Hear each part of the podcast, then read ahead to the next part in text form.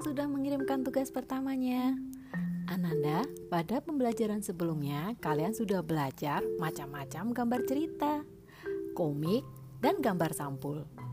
Kali ini kalian akan belajar tentang poster. Poster adalah media publikasi yang terdiri atas tulisan, gambar, ataupun kombinasi antar keduanya dengan tujuan memberikan informasi kepada halayak ramai. Apa sih halayak ramai? Halayak ramai adalah orang banyak. Poster biasanya dipasang di tempat-tempat umum yang strategis seperti sekolah, kantor, pasar, mall, dan tempat-tempat keramaian lainnya.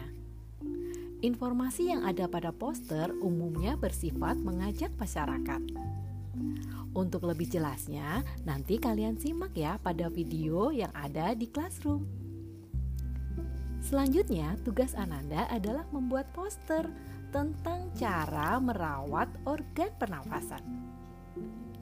Kamu dapat menambahkan gambar-gambar yang menarik sesuai dengan tema poster kamu juga dapat mewarnai dengan warna-warna yang cerah.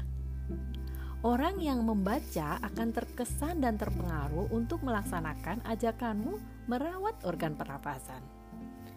Yuk, kita belajar. Selamat bekerja. Dah.